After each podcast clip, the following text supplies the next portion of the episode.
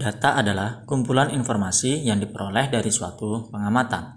Informasi ini bisa berupa angka, lambang, atau keadaan objek yang sedang diamati. Misalnya, pada percobaan biologi, kita disuruh mengamati pertumbuhan tanaman kacang hijau. Setiap beberapa hari sekali, kamu akan mencatat panjang batang tanaman untuk diamati pertumbuhannya.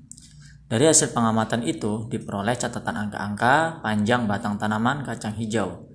Nah, angka-angka itulah yang kita sebut sebagai data.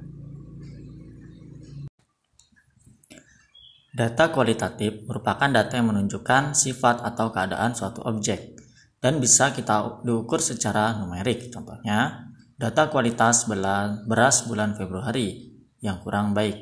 Nah, data itu menunjukkan keadaan beras yang kurang baik. Tetapi kita nggak bisa mengukur keadaan kurang baik itu dengan angka.